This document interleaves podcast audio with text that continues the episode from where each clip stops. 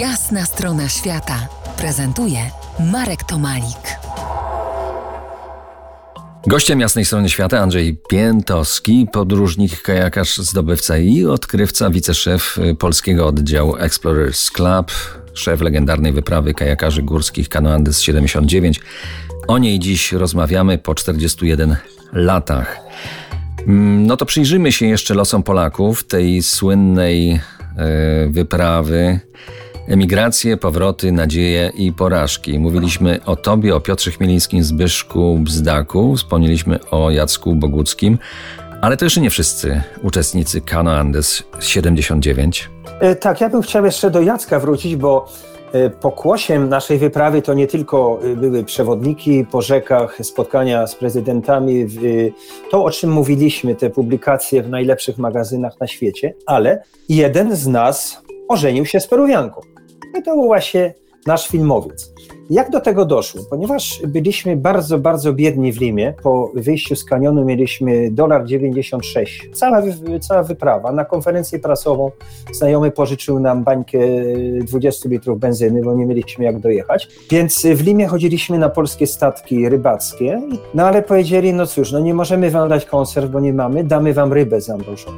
I potem dzwoniliśmy w nocy do północy po wszystkich znajomych, żeby wzięli po kawałku tych, y, tych ryb i włożyli do swoich lodów lodówek. No i jednym z tych domów był dom y, Teresy Arana.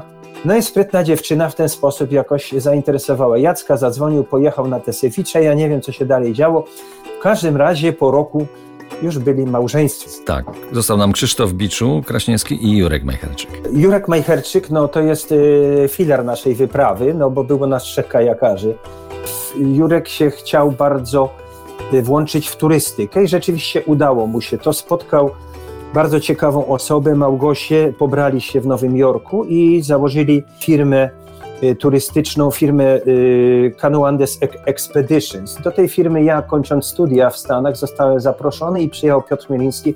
Przez jakiś czas pracowaliśmy razem, wożąc turystów naszymi szlakami do Ameryki Południowej i Centralnej.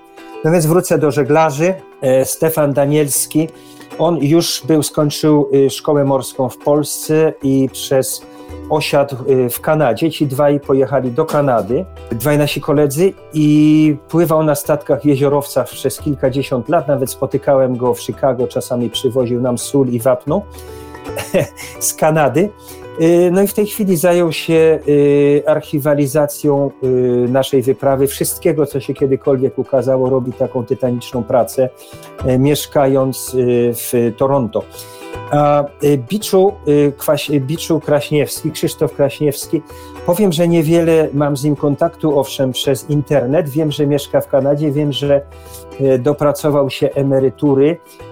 Przypomnę, moim i Waszym gościem był Andrzej Piętowski, podróżnik, kajakarz, zdobywca i odkrywca, wiceszef polskiego oddziału Explorers Club, z którym miałem przyjemność połączyć się w Nowym Jorku. Dziękuję Ci, Andrzeju, za Twój czas tutaj dla nas. Dziękuję serdecznie i życzę wszystkim wielu udanych podróży i wypraw w tym post-covidowym czasie. To była jasna strona świata w RMF Classic.